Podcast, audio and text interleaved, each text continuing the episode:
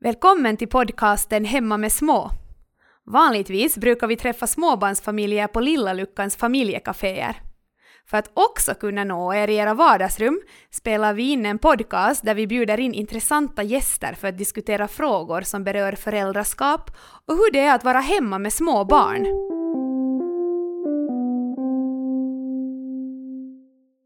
Kan nu börja den här podcasten med att vi berättar vem vi är.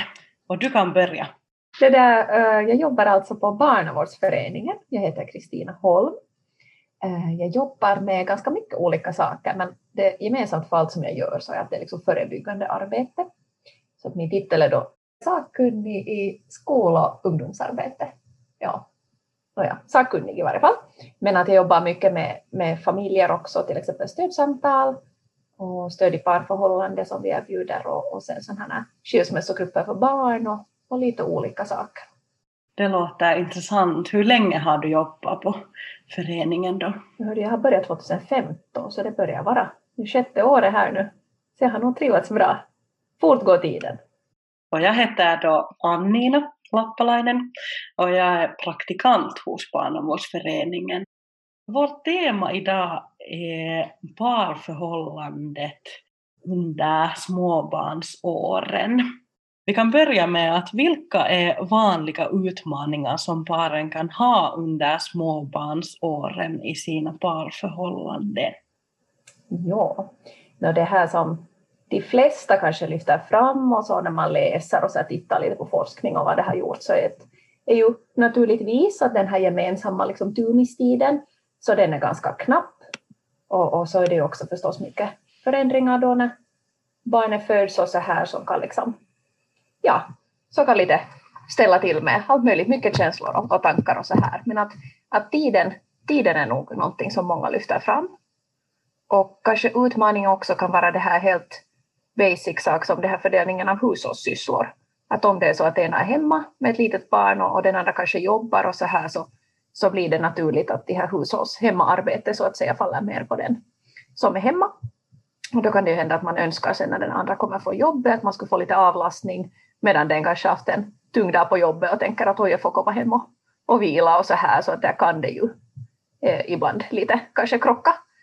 Och så kollade jag, det var Mannerheims barnskyddsförbund hade gjort en sån här förfrågan för några år sedan och frågade just småbarnsföräldrar att vad tycker de är de största utmaningarna. Så det var det vissa som hade lyft fram det här att vänja sig vid en liksom rutinerad och schemalagd vardag. Att det kanske ändrar från att man har kunnat göra saker lite mer spontant och sen med barn så måste det ju vara tidtabeller och sånt här. Så det kan ju vara lite utmanande också. Eh, så att ja, mycket det här vardagen och gemensamma tiden tillsammans med sin partner. Eh, och kanske också den här egna tiden som blir ganska knapp så kan man tänka sig att det kanske avspeglar sig i mående och på det sättet också sen i, i parförhållande och, och förstås om det är några andra utmaningar där som, som barnen har så, så är det också någonting som påverkar parförhållande på det sättet. Eh, det sker säkert också positiva förändringar. Och vilka Absolut. kan vara sådana positiva förändringar som föräldraskap kan föra med sig till parförhållandet? Absolut är det mycket positiva. Jag tycker det är roligt att du tar upp dem också för att, eller det är viktigt med både och. Det är viktigt att få prata om de här utmaningarna och det, och det är superhälsosamt att höra också att andra kanske tycker att det är lite jobbigt. Men sen är det också jättebra att lyfta fram de här positiva sakerna. Och jag tänker att, att det här med att få barn är ju ofta någonting som man har längtat efter och och, och, det är något som känns viktigt för båda, så då kan man ju tänka sig att det ger mycket liksom positivt och, och känns roligt och, och någonting som båda är, är lyckliga och glada över.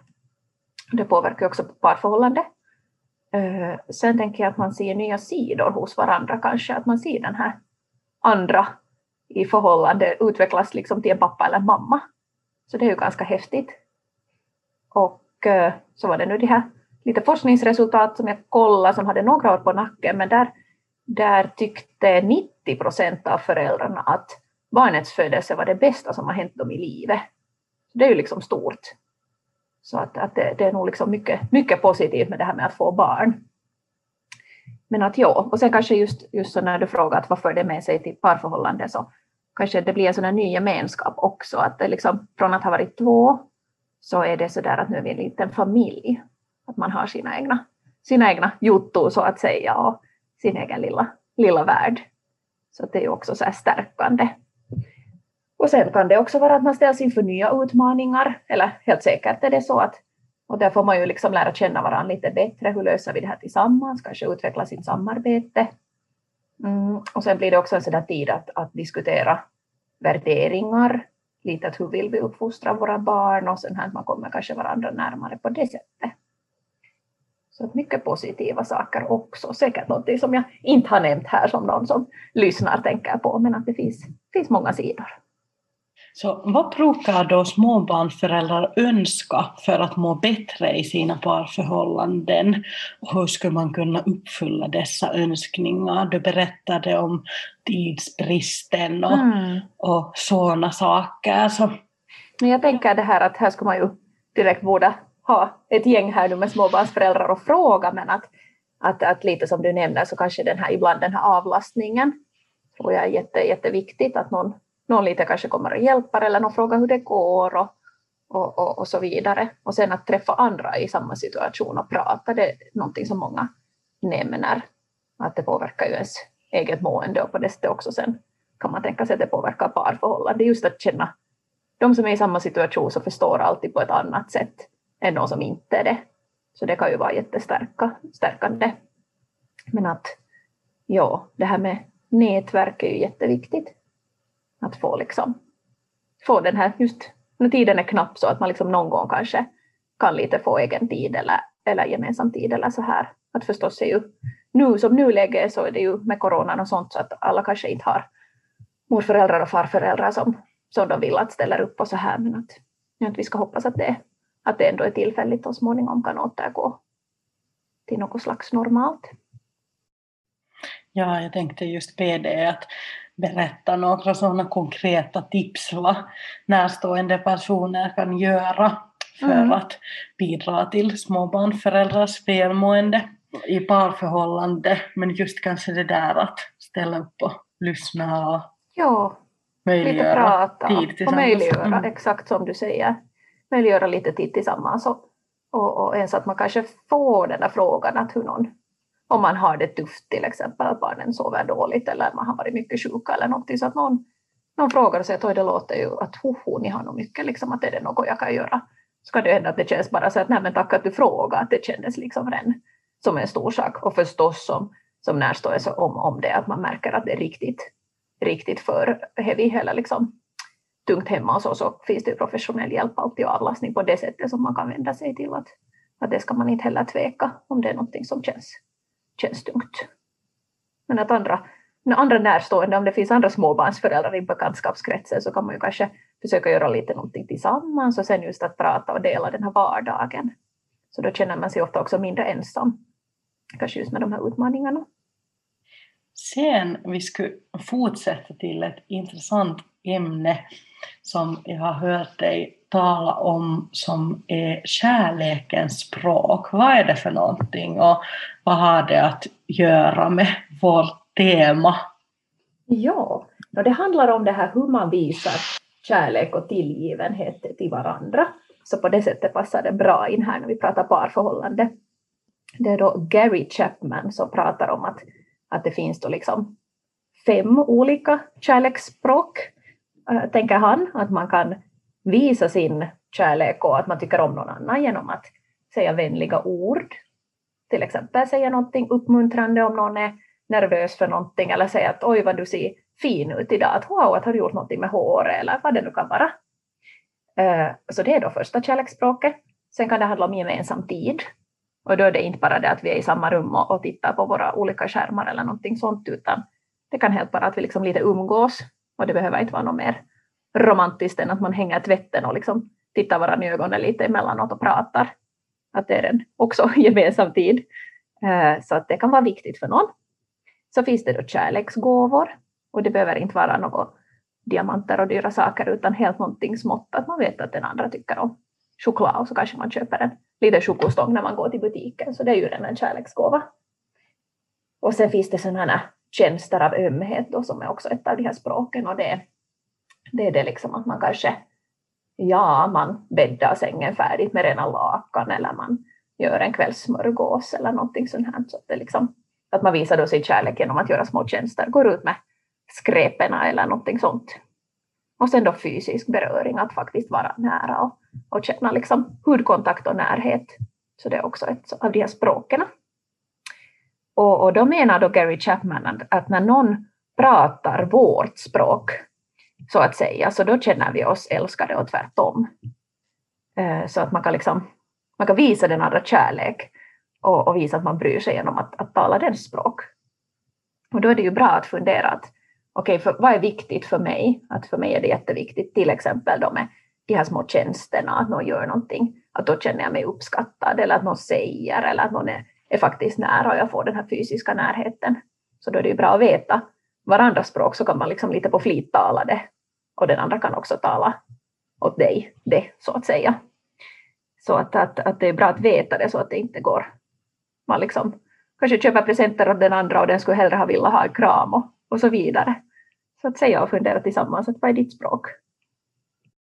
Ja, det är ganska härligt att höra att man kan också tala i, i kärleksspråk också i vardagen och i sådana ja. vardagliga situationer, att det behöver just inte vara diamanter och så. Nej. Och just med småbarnsvardagen när det är, liksom, det är fullt upp och, och mycket så här så kan man ju liksom just välja de här små, att man sänker lite ribban. Att det är att man ger en kram när andra kommer hem eller, eller säger något snällt eller så här så det räcker. Sen talas det ofta om det där vikten av att känna igen sina känslor och uttrycka dem och, och också berätta om sina egna behov och ta mm. emot mm. den andras känslor och, och just se andras behov och sånt. Men hur kan man bli bättre på det? Hur kan man öva det? Det är en jättebra fråga och det är ju det just att det är så viktigt och det är inte alltid så lätt och man kanske inte är så van att göra det. Och, men att, att just som du sa, att, att hur man kan bli bättre på det så det är nog genom att öva. Och att lite fundera, att öva på att säga ibland om någonting känns bra eller inte bra till exempel. Eh, och man kan ju börja med någon, någon lite mindre sak, att man behöver inte gå till de här jättestora jobbiga känslorna och så här, men att liksom säga att hey, nu ska jag kanske behöva en liten stund här eller, eller nu känner jag att jag är jättetrött, att skulle du kunna hjälpa med det här idag? Att redan en sån sak. Och, och sen också fundera lite att hur tar jag emot när min partner säger någonting, berättar om sina känslor eller sina behov. Att, att försvarar man sig genast och säger att, att nej, det var ju inte alls så här att, att före det så hade du sagt si eller så om man har något sådant argument till exempel. Eller kan man liksom lyssna och höra att den andra säger att okej, okay, jag kände mig ensam när. Att liksom lära en det där att kanske kunna ta emot det och inte det på det sättet personligt att höra okej okay, det var din känsla, just det. Och kanske sen förstår man kanske varandra också bättre. Och det när du sa just att, eller att det är ju så viktigt så det är ju det att ingen kan gissa hur man känner och ingen kan gissa ens behov.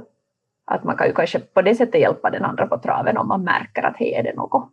Då kan man ju fråga att, att du verkar lite tyst idag, att är det någonting? Men att, men att om man inte säger så så, så kan inte den andra veta och sen blir det ofta så att det sen exploderar. Att man har liksom lite samlat på sig på lager. Och sen om man kanske annars är, är spänd eller trött eller det blir något argument så då kommer allt på en gång. Det kan vara ganska jobbigt. Så därför det är nog övning och, och inte måste man vara jätte, behöver inte vara jätte så att säga bra på det utan det är liksom att lite öva och hitta det där sättet hur man berättar och kanske när man berättar att kanske en lugn stund. Att det är inte så mycket annat på gång just då. Ja, det där låter viktigt just att man övar och berättar redan så att säga tidigt, att man ja, inte väntar ja. att, att man är helt slut med, med allt. E exakt. Mm. Ja, och det är just så där fast man, man är olika, har olika familjebakgrund och sånt, att vissa är vanare att tala om känslor och sånt och i andra familjer kanske man inte har gjort det så mycket och så där, men att man, man kan liksom öva sig med små steg. Och sen fast man skulle leva i, i ett parförhållande så måste man ändå också komma ihåg att ta hand om sig själv. Så, Absolut. Och även då när man är mamma eller pappa. Så hur kan man stärka sin egen ork och varför är det viktigt? Jättebra fråga. jag har just lärt mig ett nytt begrepp som hette sund själviskhet. Mm. Så jag tänker att det är ju jättebra, att man tänker att man liksom uppskattar sig själv så mycket, eh, så pass mycket att man vet att man är också själv värd lite vila till exempel, eller någonting roligt ibland. Och, och, och det är nog jätteviktigt att försöka på det sättet just stärka sin egen ork. Att, att vad är sånt som jag tycker att är avkopplande eller, eller skönt eller trevligt eller roligt. Och, och kanske att det kan vara att bara prata med en kompis i telefonen eller gå på en promenad eller motionera eller någonting. Och sen att liksom försöka ta den här tiden och uttrycka det behovet då när det går. Att man har sådana stunder som, som liksom laddar batterierna så att säga. Ger energi och det behöver inte vara långa stunder. Och där är det också bra att man liksom, ger det här med behoven, att man kanske lite kommunicerar till den andra också att, att det här skulle vara viktigt för mig och, och den andra tvärtom också till dig. Så då kan man ju kanske lite ibland ge den här stunden. Om man tänker, hej att nu tar jag, jag tar barnen en liten stund och vi går här ut i, i pulkabacken, att, att då får du fara på en, en kort länk i. Och det kan ju vara att sen kommer man tillbaka med mycket bättre humör och dagen, dagen blir bättre för att den andra har fått en, en liten egen stund. Och där är också förstås att man kan ju också ladda sina batterier tillsammans, men att jag tror att det är viktigt också att ha liksom, ja, lite, lite på det sättet tänka just på sig själv, att man inte ger, man ger ju ändå allt vad man kan åt, åt sina barn, men att liksom att det är viktigt sen att inte mamma eller pappa är helt slut och har noll i batterierna, utan att det finns lite där. Olika sätt kan man ladda sen. Det är kanske bra också att den andra partnern vet att vad laddar den andras batterier. I alla fall ja. om jag blir jättetrött och har ångest och sånt så det är ja. oftast min man som sen kommer och säger att jag skulle behöva göra någonting och, ja. och sånt. Att just kanske kan man också tillsammans fundera på sådana små saker som man kan göra och sen ja. säga till den andra att okej okay, nu behöver du en meditationsstund ja. eller på, just på promenad. Ja. Ja. ja. men det där är ju jättefint och då känner man ju varandra bra när man kan just vara så att hej, att skulle, skulle det vara en idé? Och sen också det att kanske någon har något fjantigt som den tycker om att göra, att den vill se på någon helt struntserie eller någonting, så då kanske man låter den att okej, okay, att det där var din, din grej och jag inte kommentera och jag har min konstiga grej som jag tycker att det är roligt att göra, så att då liksom, ja, ger man den andra tillåtelse till det. Och där kan det vara jättefint som du lyfter om att stödja just varandra lite i det här. Att ladda, påminna om att ladda. Batterierna. Ja, och sen ännu ett begrepp som väckte mitt intresse ja. när jag läste vad du har talat om tidigare så var ett koncept som heter radical acceptance på engelska, jag vet inte om jag uttalar det rätt, men ja. vad är det för någonting? Jag hörde det är ett begrepp som är lånat från kognitiv beteendeterapi, eller KBT. Och, och jag tycker det är så bra för att det handlar om att försöka acceptera verkligheten så som den är och inte så som vi skulle vilja att den skulle vara. Och det är det här med att acceptera, det kan låta lite sådär att va? Men att, men att eh, acceptera är inte samma som att man måste tycka om det. Och det är ju ganska befriande att ibland kan det hjälpa att man tänker att okej, okay, nu är det så här och, och, och, och, nu hjälper det inte att jag kämpar emot. Att nu har vi en period var vi till exempel sover lite eller det är någonting annat på gång, men att, att så kommer det att vara, men det kommer inte alltid att vara så här. Att man kanske liksom slutar stånga på det sättet huvudet i väggen och skulle vilja ändra på det, på någonting som inte kanske just då går att ändra på. Men att förstås ska man inte acceptera allt här i livet, det mm. handlar inte om det, men mer en sån här inställning kanske, att det kan vara ganska skönt att tänka att okej, okay, att just då att nu är det så här och jag måste inte tycka att det är jätteroligt, men att jag accepterar det och, och så får det vara nu ett litet tag. Och sen skulle jag vilja höra om olika stödformer som just barnavårdsföreningen kan erbjuda till familjer. Om någon ja. känner att skulle behöva lite utomstående hjälp. Ja, det där vi erbjuder allt möjligt egentligen, olika sådana kurser eller grupper kan man säga. Jag kan börja med att berätta om de otroliga åren eh, som vi då erbjuder för föräldrar till barn i åldern 3 till 12 som vill utveckla sitt föräldraskap. Och, och då är det målsättningen att stärka föräldraskapet och, och minska sån här utmanande beteende hos barnen. Och, och det där, ja, man får liksom tillsammans med andra fundera, fundera på, på olika sätt hur man kan liksom minska kanske det här som ofta många kan uppleva att det blir lite sån här tråkig stämning hemma och det blir mycket tjat och tillsägelser och, och, och sånt här att mera gå via det här positiva samspelet. Att, att genom lek och sånt här så hitta, hitta en sån här bra, ett bra förhållande med barnet och sen kanske komma till de här gränserna och reglerna och de här andra sakerna. Så den har varit jätte, jätte uppskattad. Så det erbjuder vi. Och nu också då online, när det är sådana här tider, så, så kan många delta på det från olika håll också i landet. Och sen har vi någonting som kallas familjeskolan POP. Och då är målgruppen lite yngre barn, 3 till 6-åriga barn och föräldrar. Och då går båda liksom i familjeskola samtidigt så att säga, att det är en dag i veckan och, och barnen har sin grej som de gör och, och vuxna får då liksom kamratstöd också av varandra och får stöd i föräldraskapet och fundera på, på olika sätt hur man kan underlätta vardagen där hemma och dela med sig och få nya tips och sånt. Så den har också rullat i många år faktiskt och varit jätteuppskattad.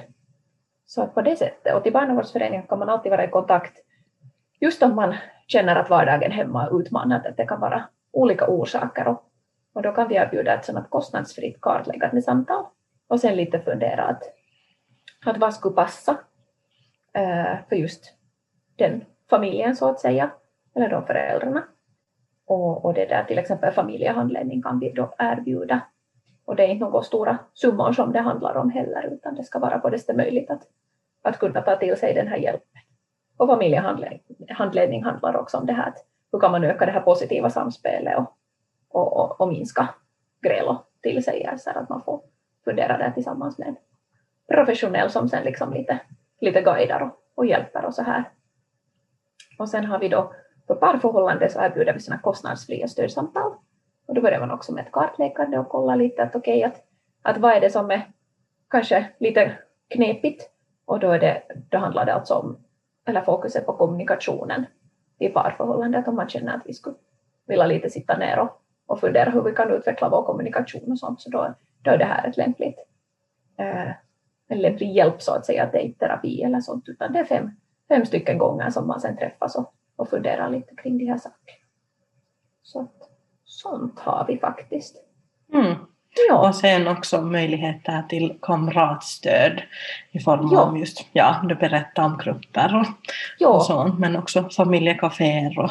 Jag tänkte just säga att familjeluckan är ju, är ju perfekt för det här att träffa så att säga andra som också är hemma, hemma med barnen just då och få, få höra hur de har det och där brukar också vara olika föreläsningar och sånt här, både riktat till föräldrar och, och riktat till barnen så att det är jättepoppis och, och hoppas att det öppnar snart igen. Ja. Ja, har du nu, nu har vi några minuter kvar så jag tänker att har du något att tillägga eller några sådana övriga hälsningar till paren ja. som har småbarn?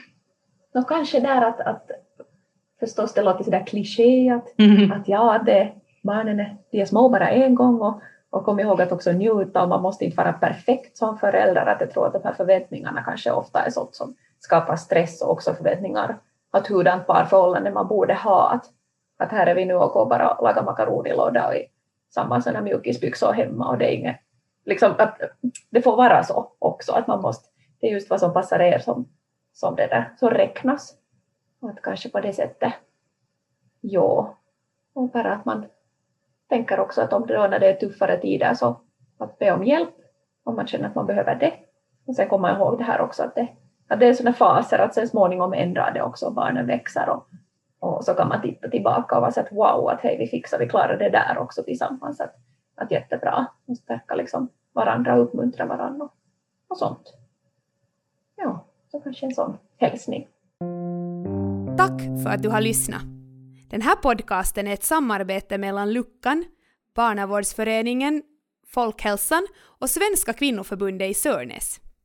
Ifall du vill veta mer om familjekaféverksamheten på Lilla Luckan eller få annat stöd som vi erbjuder småbarnsfamiljer så har vi satt in nyttiga länkar i podcastens beskrivning.